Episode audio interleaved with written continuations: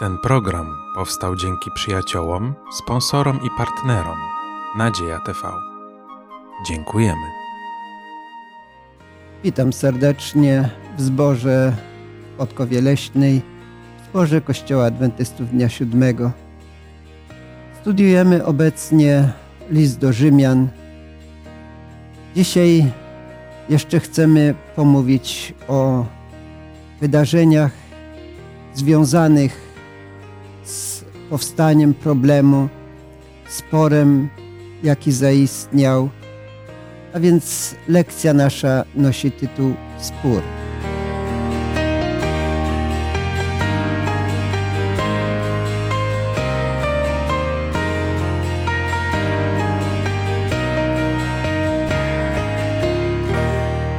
Dzisiaj wraz ze mną są Janusz, Esterka, Grzegorz. Ja mam na imię Julian. Żeby Bóg nam błogosławił to studium, poprosimy o błogosławieństwo i o modlitwę. Poproszę Esterkę. Dobry Boże, dziękujemy Tobie za to, że mogliśmy się spotkać tutaj znowu na studium biblijnym.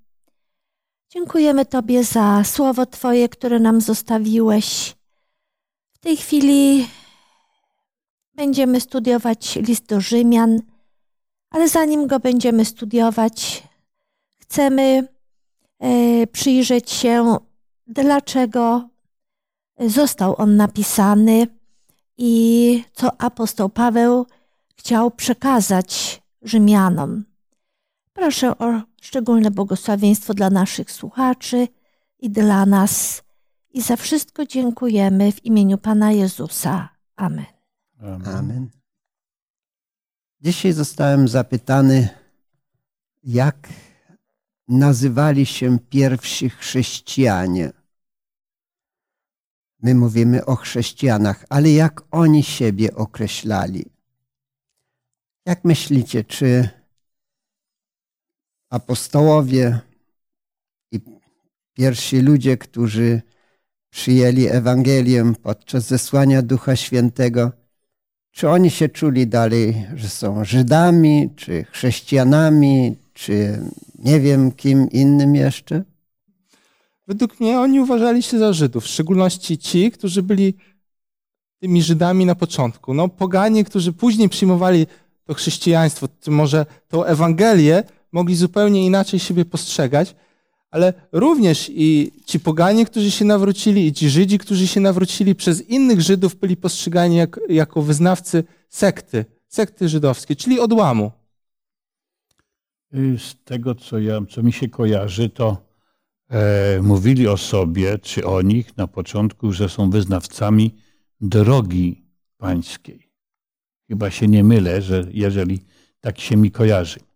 I nie wiem skąd to się wzięło. Być może z tego, że Jezus określał siebie, że On jest drogą, prawdą i życiem.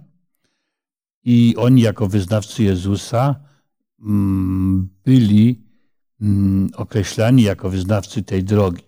Ta droga, mm, być może to się kojarzyło z tym, że to było coś nowego, jakaś droga, która miała prowadzić do czegoś, do kogoś, do innego sposobu życia. To było dosyć dziwne, ale coś takiego funkcjonowało. Tak, ale czy mogli się nazywać, co jesteśmy Drogą? wyznawcami, drogą? Chyba nie. Na pewno czuli się Żydami, dalej byli Żydami, tylko wierzyli w Chrystusa. I tu Żydzi nie mieli problemu. Natomiast, jak już Grzegorz wspomniał, gorzej było z tymi, którzy się nawracali z pogan. Kim oni są? No i ci, którzy byli Żydami, uważali, że oni powinni przyłączyć się no do kogo? Do nas, do Żydów. Jak można było się przyłączyć do Żydów? No, stać się Żydem poprzez obrze, obrzezanie i przyjęcie tego całego prawa żydowskiego. Tak. Obrzezanie było takim symbolem przyjęcia wszystkich tych nauk, które były w Starym Testamencie spisane, cały ten zakon, e, pięcioksiąg mojżeszowy i tak dalej. No i teraz powstaje pytanie, czy to było konieczne, czy nie? Nowo, era nowotestamentowa zaczęła się wraz z przyjściem Jezusa. I Żydzi, którzy przyjęli Jezusa, oni tego dalej nie rozumieli, że to wszystko, co oni spełniali do tego czasu, straciło sens. I w tej chwili y, jest najważniejsze wiara w Jezusa i zbawienie z łaski, ale oni narzucali swoje poglądy tym poganom. Grzegorz? Oni bardzo mocno byli ugruntowani w tym, tym co tak naprawdę, w, czy, w, czy, w tym, w czym wyro, wyrośli. Jak otworzymy 17 rozdział Księgi Rodzaju, czyli pierwszej Księgi Mojżeszowej, gdzie tak naprawdę to obrze, obrzezanie zostało wprowadzone najpierw do, e, do Abrahama, później do całego narodu, to w 13 werse, wersecie czytamy, że jest to przymierze wieczne. I być może czytali te, te sformułowania jako przymierze wieczne i się zastanawiali, no to skoro wieczne, no to czemu to przymija? Jak popatrzymy na to słowo wieczne użyte w Biblii, to ono jest do wielu rzeczy. Między innymi do strojów kapłańskich, do ofiar, do pewnej oliwy, którą trzeba było e, przyrządzać. Ono miało dużo szersze znaczenie niż my dzisiaj przyznajemy temu słowu, ale był to pewien problem. Na moich studiach teologicznych e, miałem kiedyś takie bardzo ciekawe wykłady. Przyjechał Żyd, Żyd z Izraela, profesor, bardzo fajny człowiek i przeprowadził taki krótki wykład na temat obrzezania. I wtedy tak naprawdę otworzyły mi się oczy, bo on tak pokazał, że dla Żyda ktoś, kto był obrzezany, to był człowiek doskonały. A człowiek, który nie był obrzezany, to był z jakąś wadą. Tak Żydzi patrzyli na innych. I między innymi, jak w Biblii jest napisane, że ktoś był doskonały, między innymi Noe czy Henoch, e, przepraszam, nie Henoch, tylko Job, to oni uważali, że urodził się jako człowiek obrzezany. I później w tej erze Nowego Testamentu, w tej misji Jezusa Chrystusa, oni musieli całkowicie przestawić swoje myślenie, bo wcześniej uważali, obrzezany, doskonały, musi przestrzegać cały zakon, a nagle przychodzi Jezus i trochę to wszystko zmienia. Tutaj w 17 rozdziale, w wierszu 10 jest powiedziane, a to jest przymierze moje, przymierze między mną a wami i potomstwem Twoim po Tobie. Czyli wszyscy potomkowie Abrahama mieli być obrzezani. I rzeczywiście to był problem dla nich, dla Żydów, e, jak przyjąć teraz tych pogan. Jak praktykowali Żydzi przed Chrystusem albo w czasach Chrystusa, kiedy e, ktoś z pogan chciał wejść do społeczności żydowskiej, to co musiał zrobić? Musiał się obrzezać.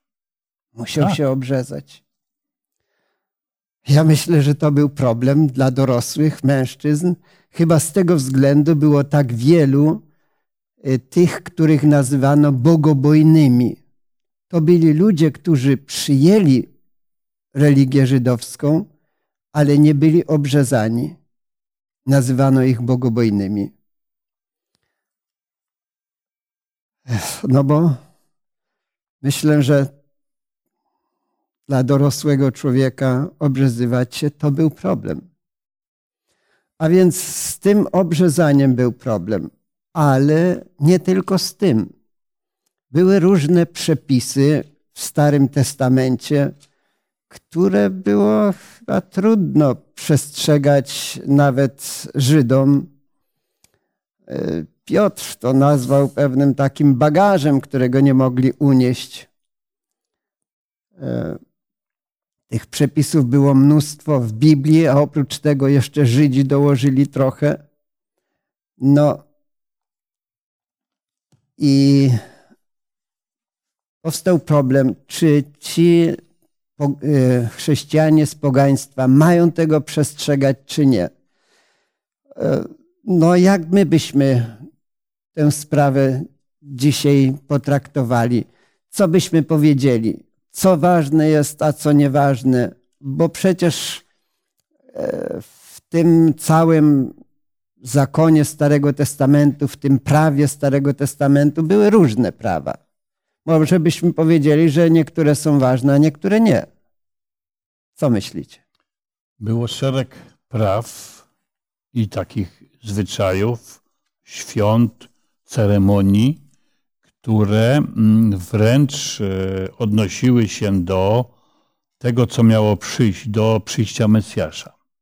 Cały system ofiarniczy i, i, i związane z tym e, przepisy, to były te, które wskazywały na Mesjasza, który ma przyjść i który ma być złożony jako baranek e, w ofierze za wszystkich, za wszystkich innych ludzi. Ale były też przepisy, e, które wręcz wynikały ze stylu, ze sposobu życia, z kultury, w której się znajdowali, z, z warunków, w jakich żyli ludzie wtedy. Szczególnie kiedy nawet jeszcze był to Izrael, który kształtował swoją narodowość przez 40 lat wędrówki po pustyni. To były bardzo specyficzne warunki. Mhm. I wtedy też wiele takich zwyczajów powstało i, i funkcjonowało. Musimy też pamiętać, że Kościół się cały czas rozwija. I to, co kiedyś, co kiedyś było światłem dla Kościoła i co było prawo, później Bóg może coraz więcej odsłaniać.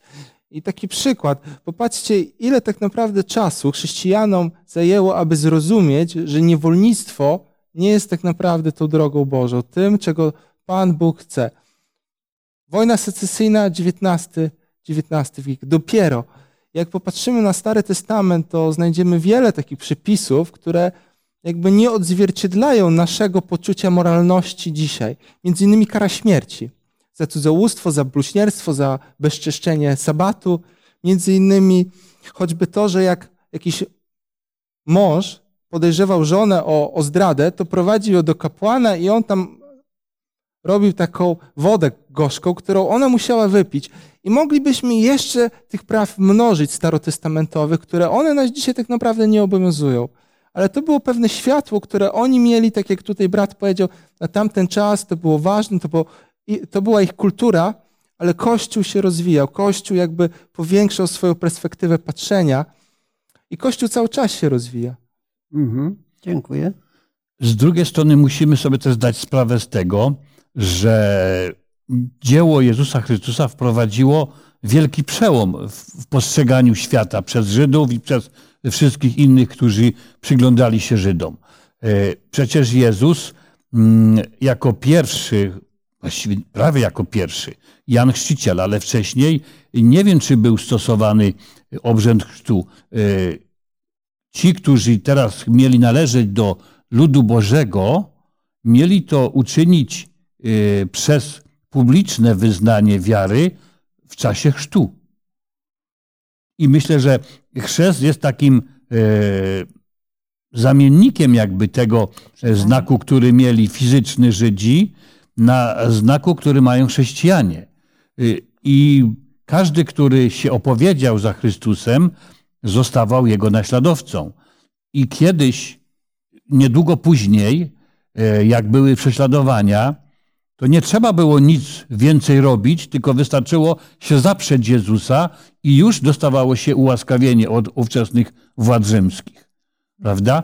Nie sprawdzano, czy są obrzezani, czy są nieobrzezani, tylko publicznie powiedzieć, przekląć Jezusa i już było w porządku wszystko, prawda? Jeżeli tego nie zrobił, to bardzo często ginął śmiercią męczeńską.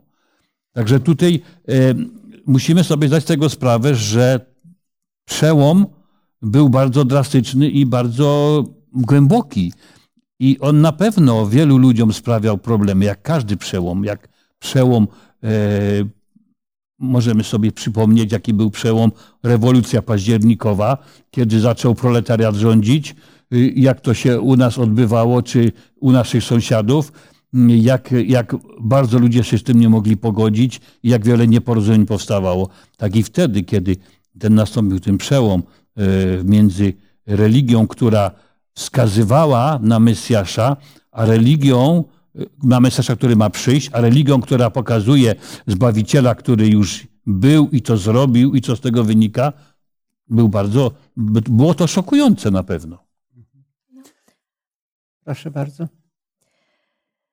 Kapłani w świątyni dokonywali różnych obrzędów, ale mamy tekst w liście do Hebrajczyków w ósmym rozdziale, szóstym wierszu, że Jezus objął znakomitszą służbę, bo stał się pośrednikiem lepszego przymierza, które zostało ustanowione w oparciu o lepsze obietnice.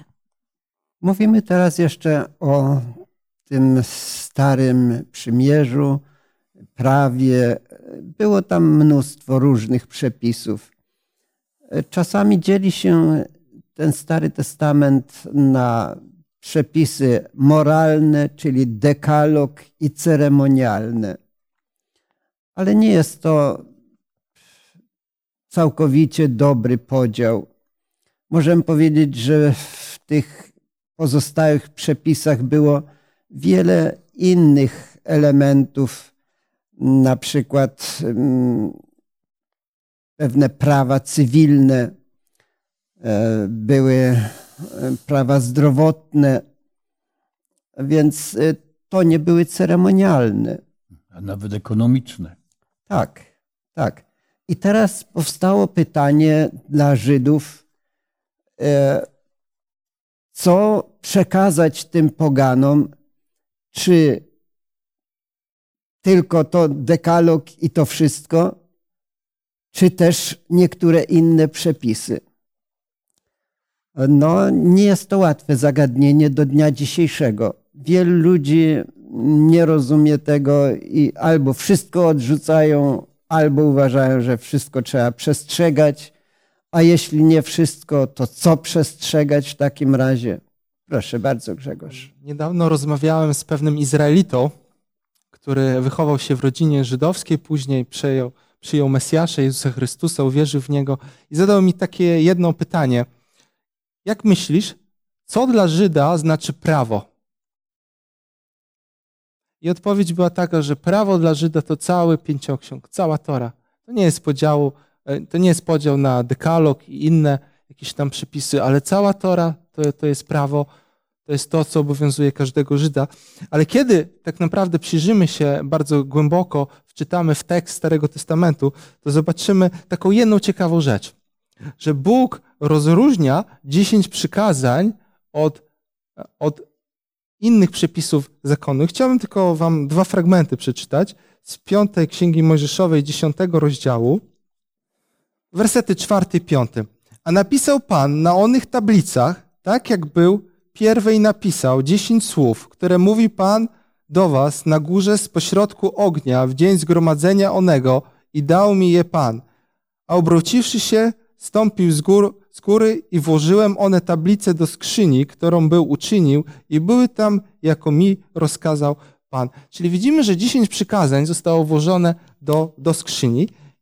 Jeszcze jeden fragment z 31 rozdziału tej samej księgi i wersety 24 i 26. I stało się, gdy napisał Mojżesz słowa zakonu tego w księgi i dokończył ich, rozkazał Mojżesz Lewitom, którzy nosili skrzynię przymierza pańskiego, mówiąc: Weźmijcie księgi zakonu tego i włóżcie je przy stronie do skrzyni przymierza Pana Boga waszego, aby tam były przeciwko tobie na świadectwo. Czyli widzimy w Biblii pewne rozróżnienie. Dziesięć przykazań było włożone do skrzyni, do arki przymierza, a cały zakon był złożony obok. Mhm. Więc Żydzi rzeczywiście rozumieli, że trzeba przestrzegać wszystkiego. Prawo to prawo, czyli to wszystko, co jest napisane w pięcioksięgu, a nawet to, co jest w pozostałych księgach. Apostoł Paweł tak tego nie rozumiał i doszło do sporu e, w zborze w Antiochii, dlatego że tam było sporo ludzi, którzy byli pochodzenia e, pogańskiego i Paweł z Barnabą uczyli, że niekoniecznie trzeba przestrzegać wszystkiego. Oczywiście to oburzało Żydów, doszło do sporu i powiedzieli: Musimy to jakoś rozstrzygnąć, idźcie też do Jerozolimy. Tam jest centrum i żydostwa, i chrześcijaństwa ówczesnego, bo tam byli apostołowie.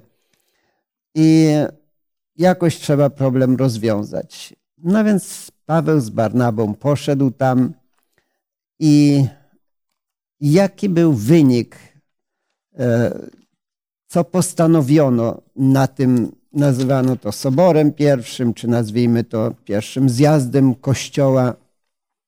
Jaką decyzję podjęto, że co trzeba przestrzegać? Może to warto przeczytać też. Y, czytam y, z dziejów apostolskich 15 rozdziału od y, wiersza 25. Postanowiliśmy jednomyślnie posłać do was wybranych mężów wraz z umiłowanymi naszymi Barnabą i Pawłem, ludźmi, którzy oddali życie swoje dla imienia Pana naszego Jezusa Chrystusa. Wysłaliśmy tedy Judę i Selasa, którzy wam to sami ustnie powiedzą. Postanowiliśmy bowiem Duch Święty i my, by nie nakładać na was żadnego innego ciężaru oprócz następujących rzeczy niezbędnych. Wstrzymywać się od mięsa ofiarowanego bałwanom, od krwi, od tego, co zadławione i od nierządu. Jeśli się tych rzeczy wystrzegać będziecie, dobrze uczynicie. Bywajcie zdrowi. Dziękuję bardzo. Ciekawa tutaj decyzja była, mianowicie, żeby się powstrzymywać od niektórych rzeczy. Pierwszy tych ofiarowanych bałwanom, ale dalej jest powiedziane, żeby się powstrzymywać na przykład od krwi. No, to nie jest w dekalogu. Czy możemy w takim razie powiedzieć albo od tego, co zadławione? Czy możemy tak rozróżnić, tak, dekalog jest ważny, a ta reszta jest nieważna w takim razie? Tak naprawdę nie ma takiego rozróżnienia jasnego. Ja kiedy czytałem te teksty, to się zastanawiałem z żoną, dlaczego tu nie ma o na przykład zwierzętach czystych i nieczystych, albo o dziesięcinie, albo o innych rzeczach, które tak naprawdę chrześcijanie e, przyjęli. Myślę, że e, możemy zauważyć, że te rzeczy, o których tutaj mówią starsi, to są jakieś, tak jakby wydaje nam się, drobiazgi, może istotne, ale faktycznie o rzeczach ogólnie oczywistych oni tutaj nie mówią. O takich y, podstawowych sprawach, o, o wierze, o postępowaniu, o przykazaniach. Mówią tylko o takich rzeczach, które mogą mogły wtedy być e, często e, problemem dla wielu ludzi, ponieważ e, mięso zwierząt czystych było często ofiarowane bożkom pogańskim i potem było podawane do spożycia albo sprzedawane po okazjonalnych cenach i wielu ludzi mogło i wielu ludzi zresztą y, brało sobie to za zaszczyt albo za przywilej, że mogą spożywać takie y, pokarmy, które były poświęcone Bogom. Prawda? I wielu ludzi się z tego y, chrześcijan gorszyło i dlatego tu o tym mowa jest, żeby nie spożywać takich rzeczy, które są ofiarowane bałwanom, od krwi, która była wtedy też używana w tych, w tych ceremoniach, a do takich rzeczy oczywistych, yy, podstawowych w ogóle tutaj nie podchodzą. Tak. Mhm. Może to była potrzeba akurat w tej chwili, to jest tylko moje zdanie, nie musicie się z nim zgadzać, ale że właśnie w tej sytuacji, w tej chwili oni postanowili, że dadzą właśnie te przypisy, ale tak jak popatrzymy choćby na listy Pawła, to on później bardziej to rozwijał. Między innymi pisał przeciwko upijaniu się, homoseksualizmowi, przeciwko jakimś złym żartom, jakimś nieroztropnym mowom. Dużo bardziej to rozwijał. I jakby poszerzał to zrozumienie tej chrześcijańskiej drogi, ścieżki. I też nie chciałbym, aby, mm, abyśmy tutaj to odebrali jako e, chrześcijaństwo, droga do zbawienia przez przestrzeganie prawa, bo, bo tak wcale nie było. Bo Ewangelia, dobra nowina, to od początku było zbawienie z łaski przez wiarę w Jezusie Chrystusie, ale tak samo jak rodzice chcą wychować dobrze swoje dzieci, to starają się im wpoić dobre nauki, aby one sobie w tym życiu radziły, aby nie popełniały błędów, aby żadna krzywda i szkoda ich nie spotkała. I ja tak właśnie widzę też Jezusa i apostołów, którzy dawali też bardzo dużo dobrych, takich ojcowskich rad, jak żyć, aby po prostu no, nam, jako dzieciom Bożym i dzieciom Kościoła, żyło się dobrze na tym świecie. Myślę, że te wytyczne, które tutaj są na tym pierwszym y, zjeździe Kościoła y, opracowane, dotyczyły najbardziej właśnie y, tych, którzy przyjęli Jezusa z pogan. Ale co czytamy, to, to wszystko, y, co czy przykazania, czy nieczyste pokarmy, to wszystko było przekazywane i oni o tym jakby oni o tym wiedzieli, bo Pan Jezus co powiedział, jeśli przyszła do niego pewna osoba i zapytała, co mam robić, aby osiągnąć żywot wieczny. A ta Pan Jezus odpowiedział: Jeśli chcesz wejść do żywota, przestrzegaj przykazań.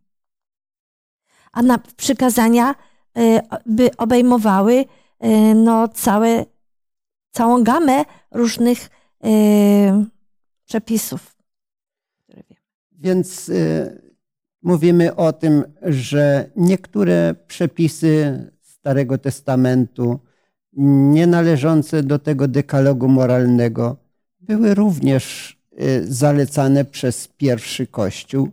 Oczywiście te przykazania moralne, dekalog, były zawsze aktualne, są aktualne po dzień dzisiejszy i oni nawet nie musieli o tym mówić, bo to było zrozumiałe. Problem polegał jednak jeszcze na czymś innym. Jeśli nawet są ważne te przykazania z dekalogu, i niektóre inne, to czy przestrzegając ich, za to dostąpimy zbawienia? I tu, jak Grzegorz już trochę wspomniał, mianowicie Paweł nauczał, że będziemy zbawieni z łaski. Niektórzy twierdzą, że to była teologia Pawła, że to on wprowadził tę naukę.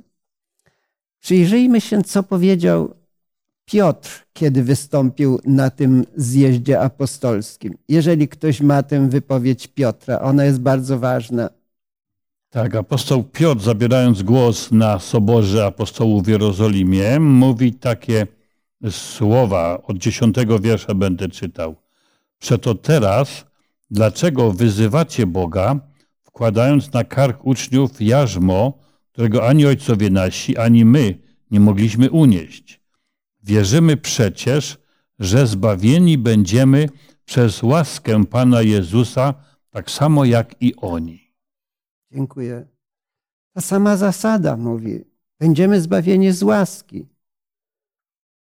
I Piotr też e, podał dobry przykład, kiedy to hmm, słudzy Korneliusza przyszli żeby się udał do Korneliusza, to gdy poszedł, wziął ze sobą jeszcze świadków i mówi, że Duch Święty stąpił na pogan tak jak i na nas. Czyli mówi, jeśli Bóg ich przyjął bez obrzezania, no to kim my jesteśmy, żebyśmy mieli zabronić? To były dobre argumenty. I to, czego też na tym soborze nie powiedziano, to to, że muszą przestrzegać tych praw, muszą jakiś tam całego zakonu, muszą y, starać się, żeby dostąpić zbawienia przez trzymanie się dekalogu. Y, tego nie powiedziano, a czego nie powiedziano, to też jest ważne. Mianowicie nie powiedziano, że trzeba obrzezywać ludzi.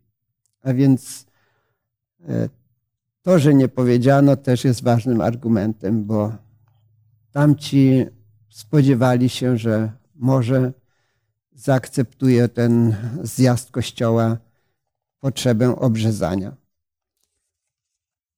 Po tym, jak ta decyzja została przyjęta, wysłano listy i osobiście dwóch przedstawicieli Kościoła, żeby to przedstawić w Antiochii i w innych zborach. E, jak myślimy, dlaczego w ten sposób postąpiono? Dlaczego napisano specjalne listy i jeszcze wysłano Judę i Sylasa, żeby zanieść te pisma? Były to działania takie, takie typowo organizacyjne.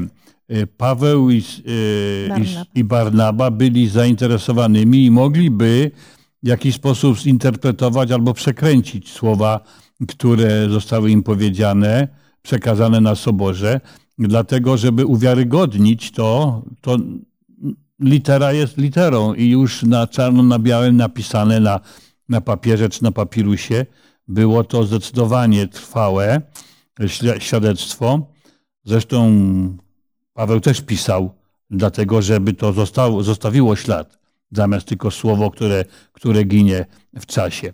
Natomiast do, dodatkowo jeszcze mm, neutralni obserwatorzy, którzy też byli wysłani, żeby to potwierdzić, było to mm, bardzo mocno uwiarygodnione po prostu. Mhm. Jeśli można, ja Proszę. chciałbym jeszcze jedną rzecz podkreślić w tym 29 wersecie 15 rozdziału, gdzie są wymienione te rzeczy, które oni ustalili na tym synodzie. To są takie słowa, których jeśli będziecie strzec, dobrze uczynicie. I to tak bardzo mocno do mnie przymówiło, bo nie ma tutaj żadnej groźby, nie ma tutaj żadnego takiego mocnego nakazu, musicie tak zrobić, bo inaczej was, was jakieś złe konsekwencje spotkają. Ale w mojej oc- ocenie tutaj apostołowie zostawili pewien wybór, powiedzieli, dobrze uczynicie, jak będziecie tak postępować, licząc właśnie na, na to, że ludzie nie z przymusu to przyjmą, nie z tego, że będą czuli jakiś tam bicz czy oddech apostołów na swoim karku, ale z tego, że ci ludzie naprawdę są godni zaufania. Ja bym tylko króciutko chciała podkreślić, że widzimy tutaj Bożą troskę o zdrowie człowieka. Jest wyraźnie powiedziane, żeby się e, ustrzegać i nie jeść krwi. I zadławiony. W zadławionym również jest bardzo dużo krwi. Dziękuję. I zaniesiono ten list, przeczytano. Nie wiemy dokładnie, jak się zbór odniósł do tego, ale wiemy, że gdy Paweł poszedł dalej głosić Ewangelię do Azji Mniejszej, zakładał tam zbory, między innymi w Galacji. I później okazało się, że w tych zborach, których dobrze nauczał apostoł Paweł, pojawili się znów ludzie, którzy mówili, że trzeba obrzezać mm, tych pochodzących z pogan chrześcijan.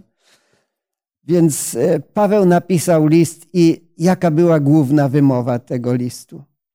Poprzednio w, uczyliśmy się w naszym studium, e, które było poświęcone listu, listowi do Galacjan, e, tego samego właściwie tematu, który był e, tam bardzo mocno, też występował tam bardzo mocno.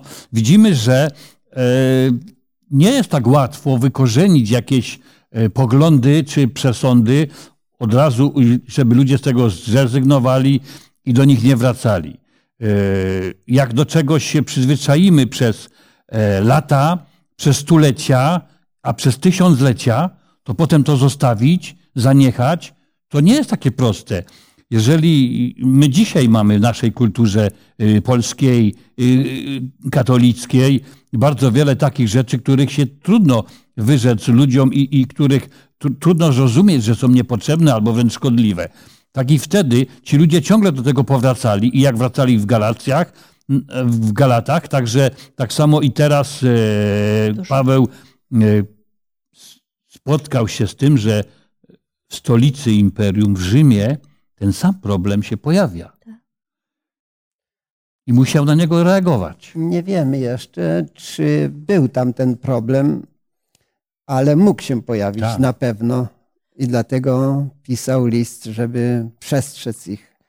Esterka, chciałeś Chciałam powiedzieć króci- coś? króciusieńko tylko powiedzieć, że od czasu y, tego zjazdu y, starszych w Jerozolimie w roku 49 do roku 58, w którym y, był pisany list do Galacjan, upłynęło 9 lat i problem dalej istniał. No i gdy pisał do Rzymian, w tym samym roku pisał, ten problem istniał. Ciekawie, że Paweł napisał do Rzymian, że ich wiara, taka dobra, słynie po całym świecie. E, Większość chyba zboru w Rzymie pochodziła z Żydów. Nie wiemy, czy większość, ale na pewno spora część. A jednak jakoś tam to dość dobrze pewnie wyglądało. Tylko Paweł wolał przestrzec. I tutaj pewna lekcja pewnie jest i dla nas. Jak chronić nasze zbory przed błędnymi różnymi poglądami, naukami? Kto jest za to odpowiedzialny? Czy każdy ma prawo sobie sądzić, jak uważa? Bo tak niektórzy uważali, no i chcieli przeforsować swoje poglądy. Y, Wtedy, kiedy oni to robili, zwróćmy uwagę, że mieli znacznie mniejszy zasób materiałów, których mogli korzystać. Y, Nowy Testament jeszcze nie był sformowany, dopiero się pisały większość ksiąg. Korzystali y, z, z ksiąg Starego Testamentu, gdzie to było podkreślane, bardzo mocno artykułowane, więc y, myślę, że możemy w jakiś sposób ich zrozumieć, że do tego wracali, bo to dopiero były mm, pierwsze, pierwsze lata, 9 lat, to nie było tak, mimo wszystko tak długo, żeby wykorzenić y, tysiącletnią, kilkutysiącletnią tradycję. Także to wcale się nie, nie, nie dziwmy tym ludziom, Mhm. że tak to podkreślali i ciągle do tego wracali. Paweł chciał się udać do Hiszpanii i napisał, że liczy na to, że Rzymianie również go wesprą. Pewnie myślał może i o finansach, nie wiem w jaki sposób. I to było jego pragnienie. No, spełniło się ono. Nie. Nie Był w Rzymie. Nie. W Rzymie był, Oczywiście, chociaż nie tak, jak sobie to wyobrażał, tylko nie był w Hiszpanii. to był. Co do Hiszpanii też nie mamy takich jednolitych chyba przekazów. Prawdopodobnie tam jakieś próby, jakieś przekazy są, że mógł dotrzeć, ale nie wiemy tego na pewno, prawda? Tradycja na ten temat mówi różnie. W każdym razie e, no, trzeba podziwiać Pawła chęć parcia do przodu. Chęć, pomimo tak wielkich przeszkód, jakie były, to podróżowanie wtedy to nie było to, co dzisiaj pojechać do Hiszpanii czy do Rzymu, prawda? Wsiąść samochód czy samolot i, i za kilka godzin tam być. To wymagało dużo większego poświęcenia, wy, wysiłku i, i często niebezpieczeństwa się z tym wiązały, bardzo poważne niebezpieczeństwa. Także można go podziwiać. Hiszpanii prawdopodobnie nie był, bo on zamierzał przejść przez Rzym Tak. i później udać się do Hiszpanii. No a został schwytany w Jerozolimie i wysłany do Rzymu, ale jako więzień. Więc już może później kiedyś był, tego nie wiemy. Dobrze, że dbał o te zbory, pisał listy. I na nas wszystkich spoczywa pewna odpowiedzialność za czystość nauki, ale możemy brać przykład z Pawła, chociaż miał objawienia od Boga, to jednak zdecydował udać się na przykład na spotkanie z braćmi w Jerozolimie, żeby tam razem omówić to zagadnienie. Niech się wypowiedzą też inni. To dobry przykład takiej współpracy. Wszyscy jesteśmy członkami jednego ciała. Jedni mają większą odpowiedzialność, drugi mniejszą, ale ważne, żeby ze sobą dobrze współpracować. No więc rozważaliśmy tutaj niektóre przepisy, te, które były na tym zjeździe kościoła podjęte. Nie dotyczyły one akurat dekalogu, ale ważne jest, żebyśmy mieli świadomość, że prawo moralne jest ważne, ale czy będziemy go przestrzegać, czy też nie, to to nas nie zbawia. Tak, właśnie dzisiaj y, wielu ludzi, chociaż y, nie powołują się na, na przynależność narodu żydowskiego, y, poddaje się obrzędowi obrzezania. Podobno ze względów higienicznych, zdrowotnych. I, I wiele innych rzeczy możemy też robić, które były przez Żydów praktykowane, i być może wcale nam one nie zaszkodzą, ale nie po to je robimy, żeby miały nam wzmocnić naszą wiarę albo nas przybliżyć do naszego Boga, czy nam w jakiś sposób zasługi u Niego jakieś wyjednać. Na pewno nie. Mhm. Będziemy jeszcze wiele mówić na temat e, prawa, tego prawa mojżeszowego,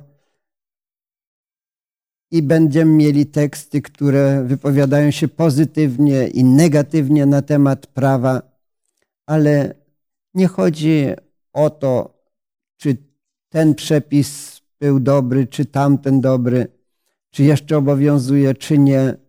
Generalnie chodzi o to, że zbawienie jest z łaski. I to cały spór na tym polegał. Jezus jest Zbawicielem. Inne rzeczy mogą być dobre, mogą być ważne, ale nie przyczyniają się do naszego zbawienia. Zbawienie jest tylko z łaski. I to była ta najważniejsza nauka, którą głosił Paweł i którą chciał przekazać Rzymianom, żeby się tego trzymali.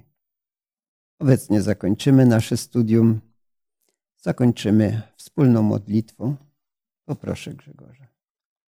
Panie nasz kochany Boże, Ojcze, dziękujemy Ci za to, że mogliśmy studiować Twoje Słowo, karmić się tą duchową manną. Dziękujemy Ci za to, że nam je dałeś, ale też prosimy Ciebie, abyś dał nam też dużo mądrości i siły, aby nie tylko pięknie mówić o Tobie, ale również, aby żyć. Głównie, aby żyć tym, w co wierzymy, tym, jak uważamy, tym, jak Ciebie poznaliśmy. W Twoje ręce się oddajemy przez Chrystusa, Pan naszego. Amen. Amen. Amen. Dziękujemy słuchaczom. Dziękujemy za wspólne studium Pisma Świętego. Będziemy dalej rozważać nauki listu do Rzymian. Serdecznie zapraszamy za tydzień. Wierzę, że to będzie dobre, budujące i błogosławione rozważanie.